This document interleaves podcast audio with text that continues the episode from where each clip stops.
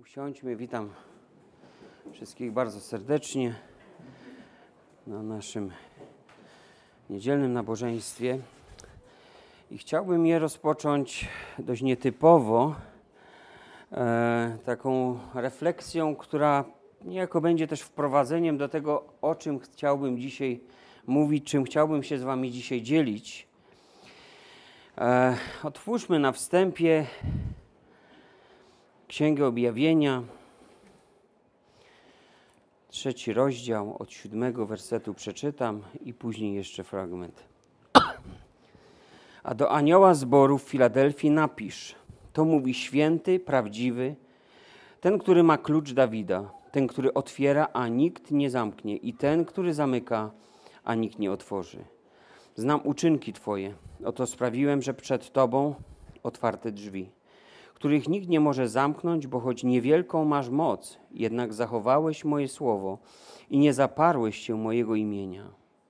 Oto sprawię, że ci z synagogi szatana, którzy podają się za Żydów, a nimi nie są, lecz kłamią, oto sprawię, że będą musieli przyjść i pokłonić się Tobie do nóg i poznają, że ja Ciebie umiłowałem. Ponieważ zachowałeś nakaz mój, by przy mnie wytrwać, przeto i ja zachowam Cię w godzinie próby, jaka przyjdzie na cały świat, by doświadczyć mieszkańców ziemi. Przyjdę rychło. Trzymaj, co masz, aby nikt nie wziął korony Twojej. I jeszcze jeden fragment z listu do zboru w Laodycei. Znam uczynki Twoje, żeś ani zimny, ani gorący. Obyś był zimny albo gorący, a tak, żeś letni, a nie gorący, ani zimny, wypluję Cię z ust moich Ponieważ mówisz, bogaty jestem i wzbogaciłem się i niczego nie potrzebuję, a nie wiesz, żeś pożałowania godzin, nędzarz i biedak, ślepy i goły. I dwudziesty werset trzeciego rozdziału. Oto stoję u drzwi i kołaczę. Jeśli ktoś usłyszy głos mój i otworzy drzwi, wstąpię do niego i będę z nim wieczerzał, a on ze mną.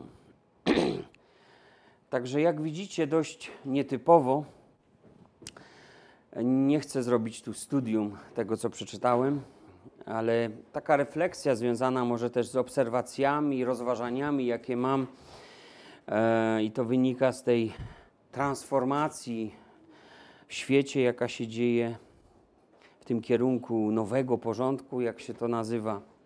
I pewnym przemianom ulega również Kościół. A miałem okazję też spędzić czas z pastorami innych zborów. E, mogliśmy sporo porozmawiać i widać, że Kościół ulega przemianie. Ale czy to jest ta przemiana pożądana, o której mówi Boże Słowo? Przyglądam się więc temu, jak zmienia się ten świat. Widzę też niesamowity pęd do rozwoju w Kościele. Dzisiaj bardzo mocno rozpoczęto rozwijanie kościołów, głównie pod względem technologicznym. Niejako zostaliśmy do tego zmuszeni, ktoś powiedziałby. Świat dzisiaj dosłownie zalewany jest o godzinie 10 w niedzielny poranek Słowem Bożym, poselstwem płynącym ze zborów, dzięki narzędziom technicznym, za pośrednictwem internetu i oczywiście wielu powie, że to jest wspaniałe, bo, bo przecież chodzi o Ewangelię. Ale zbory również są rozwijane pod względem, nazwałbym to liturgicznym. Kształt, prowadzenie nabożeństw, ich powtarzalność są doprowadzane niemal do perfekcji. Obecnie dba się o to, aby wszystko było przewidywalne, jak najbardziej przyjazne dla uczestnika, by nie powiedzieć użytkownika. Aranżacja wnętrza, wyreżyserowanie nabożeństwa, muzyka rozwinięta warsztatowo niemal do poziomu zawodowego. I oczywiście wielu powie tak, no to wspaniale, że Kościół już nie przypomina ubogiego kopciuszka, ale taką piękną księżniczkę. Zbory także rozwijają swoje programy i projekty. Tak dzisiaj w nowoczesny sposób nazywa się to, że ktoś wyszedł na ulicę i podzielił się Ewangelią, czy, czy w inny sposób marketing, zarządzanie w zborach, a jakże stają się, no, sprawiają, że zbory funkcjonują już jak taka nieźle prosperująca firma, a nie jedna firma tak naprawdę mogłaby się uczyć administrowania budżetem, potencjałem ludzkim, promocją swoich produktów. Oczywiście wielu powie, to wspaniałe. Kościół, który ma taki dobry startup, no ładnie opakowany produkt, potrafi się sprzedać, to chyba sukces. Zobaczcie, wszędzie jest taki nacisk, no nikt wprost werbalnie nie naciska, ale wszędzie jest taki pęd na rozwój, na zmianę, na przebudowanie czegoś. I myślę, że ostatni kościół czasów ostatecznych, o jakim mówi Apokalipsa Jana, kościół w Laodycei, to też kościół, który postawił na rozwój i doprowadził funkcjonowanie swojego zboru, jak na owe czasy, do perfekcji, ale wiemy, że te kościoły to też historia mówiąca o epokach kościoła. I to do takiej perfekcji, że uważa, że wszystko ma, jak czytaliśmy, i niczego już nie potrzebuje. Tylko pojawia się jedno proste pytanie: gdzie w tym wszystkim jest Jezus?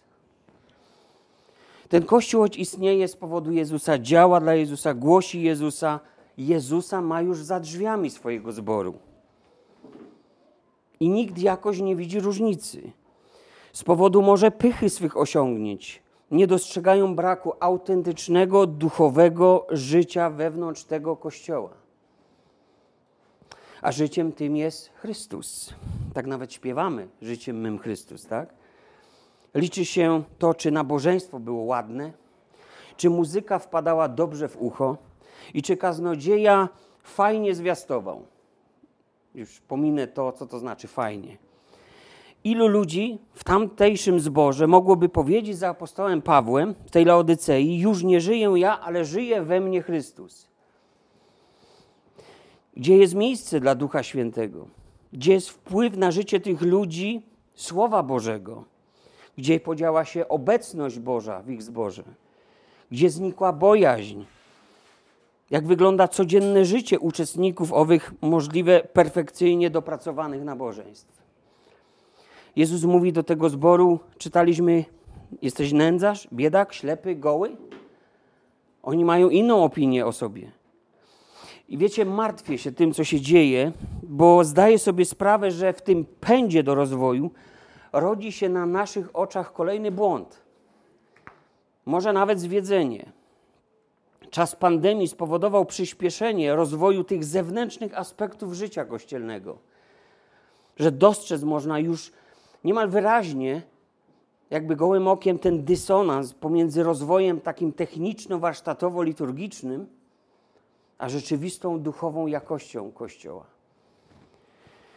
Można by powiedzieć, że zwabione niczym ćma światłem zbory będą wpadały w taką pułapkę.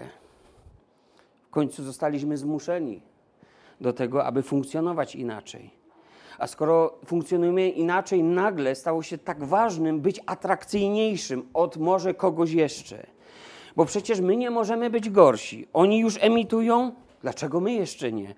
Oni nadają, a my jeszcze nie? No nie możemy pozostać w tyle, musimy mieć wpływ. I ten wpływ, o dziwo, dla niektórych może stać się bożkiem. Istotą służby staje się to, żeby nie wypaść z obiegu, żeby utrzymać się na fali oglądalności, by nie stracić słuchaczy, by być obecnym na tak zwanym szkle. A parcie na to szkło, jeśli obserwujecie internet, jest coraz większe, coraz bardziej widoczne. I to przypomina czasem taką łapankę telemarketerów na potencjalnych odbiorców. Można już powiedzieć nawet, że rozpoczęło się coś na kształt medialnej bitwy o słuchacza. Tylko kto się do tego przyzna, do takich motywów? Niestety myślę sobie tak, że idą takie czasy, czasy kolejnej próby, może nawet przesiewania, polegającego na pewnej, pewnym rodzaju, pewnego rodzaju migracji.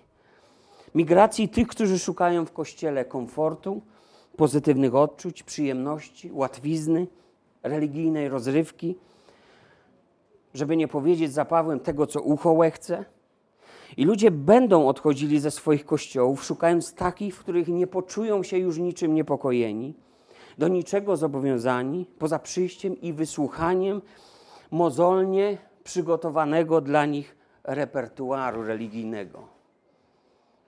Tak wygląda rzeczywistość Kościoła Laodycei. Lecz z tych, choć nowoczesnych, jednakże letnich wspólnot, będą także odchodzili ludzie pojedynczy ludzie.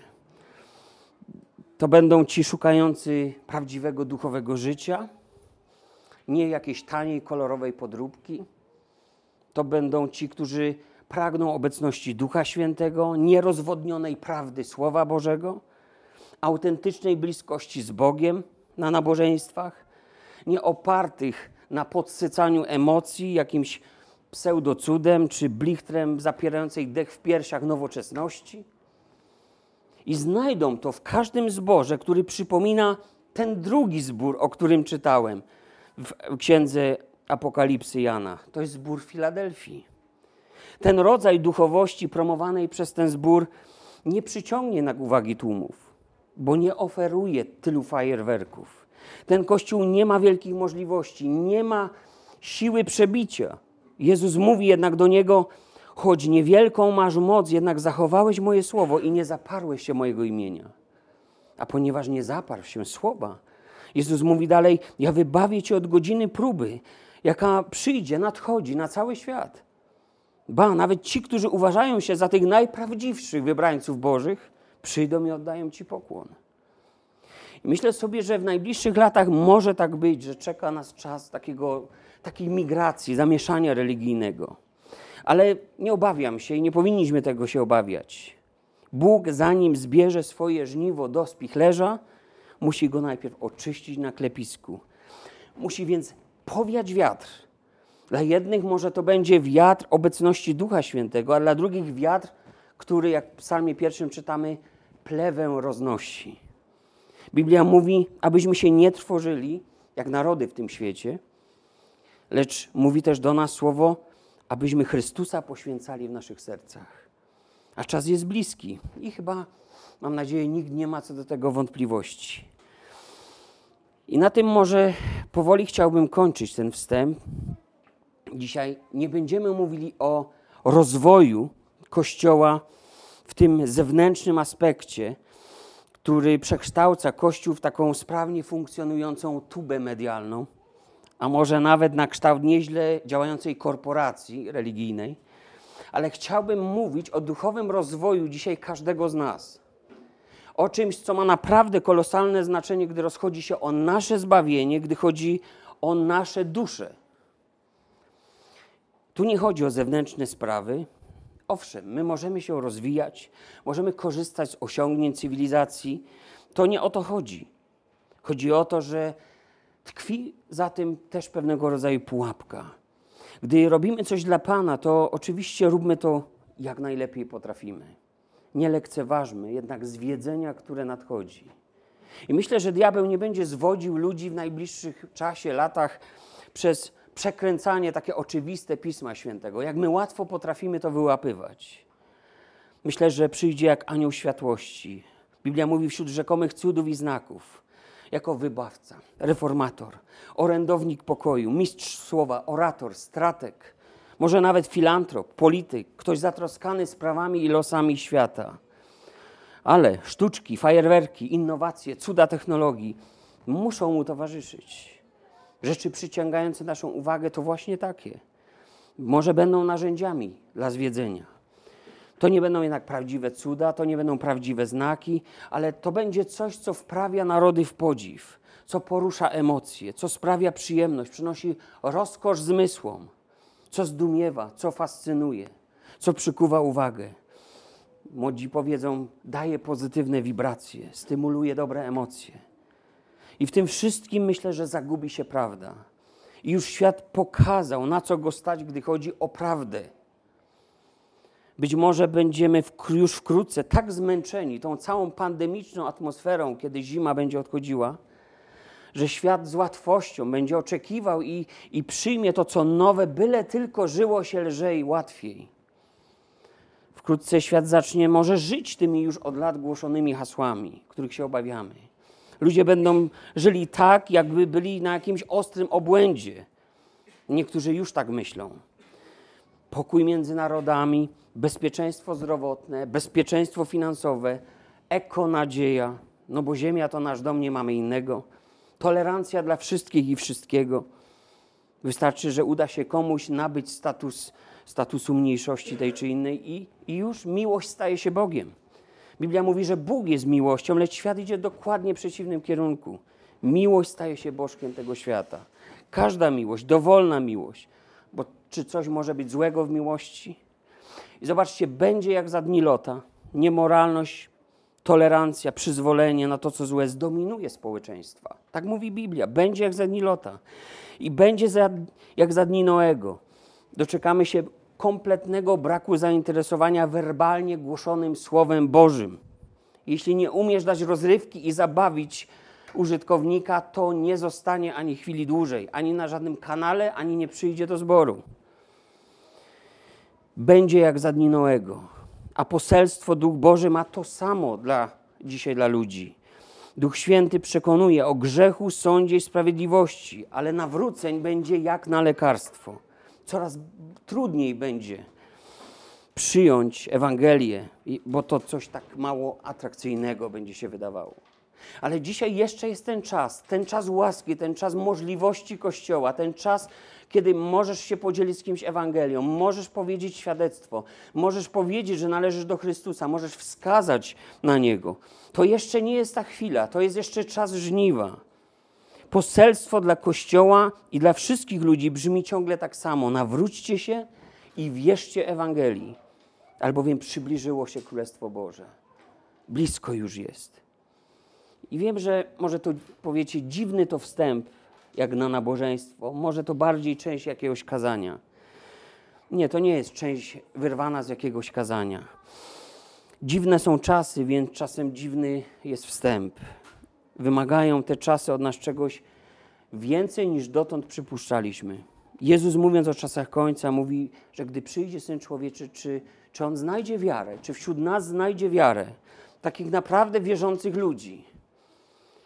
I dziś będziemy mówić o takim rozwoju, który zapewni każdemu z nas szeroko otwarte drzwi do królestwa, jak to jest napisane wiekuistego, do wiecznego obcowania z Bogiem. Ale to w dalszej części tego nabożeństwa. Pomyślmy nad tym wszystkim, co się dzieje wokół. Zbieramy się jako Kościół, nie wiemy jak długo jeszcze. Czy jakieś obostrzenia znowu przyjdą, czy znowu jedyny kontakt z Kościołem to kanał jakiś internetowy. My tego nie wiemy. Ale póki co jesteśmy razem, a więc nie zmarnujmy tego czasu. Zaśpiewajmy Bogu, módlmy się, módlmy się też o siebie. Zanośmy swoje błagania do Boga. Biblia mówi, że ten czas Kościoła to czas szczególnie błogosławiony. A więc nie marnujmy go na jakieś odlatywanie myślami gdzieś, ale starajmy się wejść właśnie w to nabożeństwo, w to, co tu się dzieje, w każdą pieśń. Bądźmy sercem przy tym wszystkim. I niech Bóg błogosławi każdego z nas z dzisiejszego nabożeństwa. Powstańmy i uwielbimy naszego Boga.